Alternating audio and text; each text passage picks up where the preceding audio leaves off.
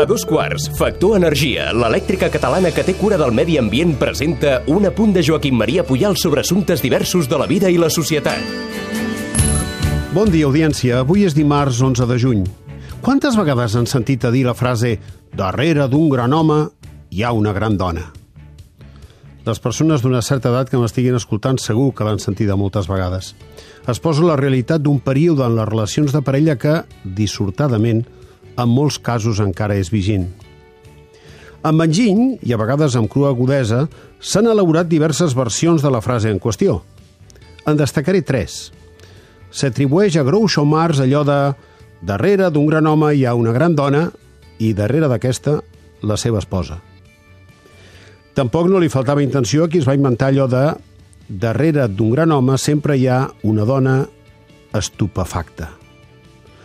Però segurament la que en remet més directament a la injustícia i la desigualtat és aquella que diu si darrere d'un gran home hi ha una gran dona, darrere d'una gran dona hi ha una gran soledat.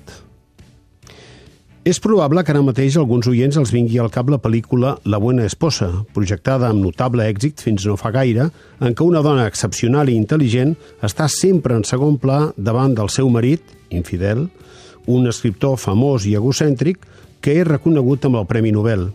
Ja a Suècia, la dona sacrificada decideix alliberar-se tipa d'anys d'aguantar injustícies i humiliacions. Quan fa alguns dies l'escriptora nord-americana Siri Husbeth va atendre la premsa a Londres, així que va saber que havia estat distingida amb el Premi Princesa d'Astúries de les Lletres, va haver d'escoltar per enèsima vegada una pregunta relativa a l'home d'ella, el conegudíssim novel·lista i director Paul Auster. El seu comentari va ser «Les dones ens hem acostumat durant segles a amagar les nostres habilitats, a disculpar-nos si destacàvem. La idea que la identitat de la dona està vinculada a un home no és nova. Ho van viure i patir altres dones, com Simone de Beauvoir, parella de Jean-Paul Sartre, o Lee Krasna, parella de Jackson Polo. És rar que algú parlés d'elles per elles soles.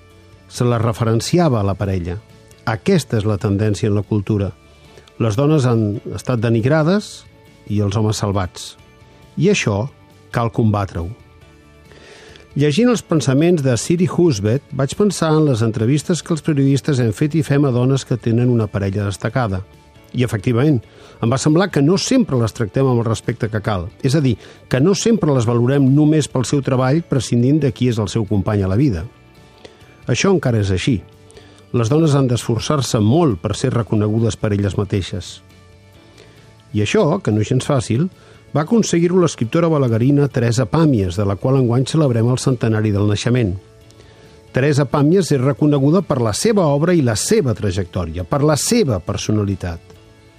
I això que la persona amb la qual es va casar era, no gens menys, Gregorio López Raimundo, un home extraordinari que vaig tenir el privilegi de conèixer i que justament avui hauria fet 105 anys. La mirada d'en Puyal és una exclusiva de Factor Energia. En Manu, el Minimans, Manis pels amics, no, no ha contractat la llum a Factor Energia i no, no s'estalvia un 12,5%. Manu, contracteu tots la llum. A factorenergia.cat i no farem més anuncis. Per fi hi ha una altra llum. Factor Energia. Empresa col·laboradora amb la Barcelona Equestrian Challenge.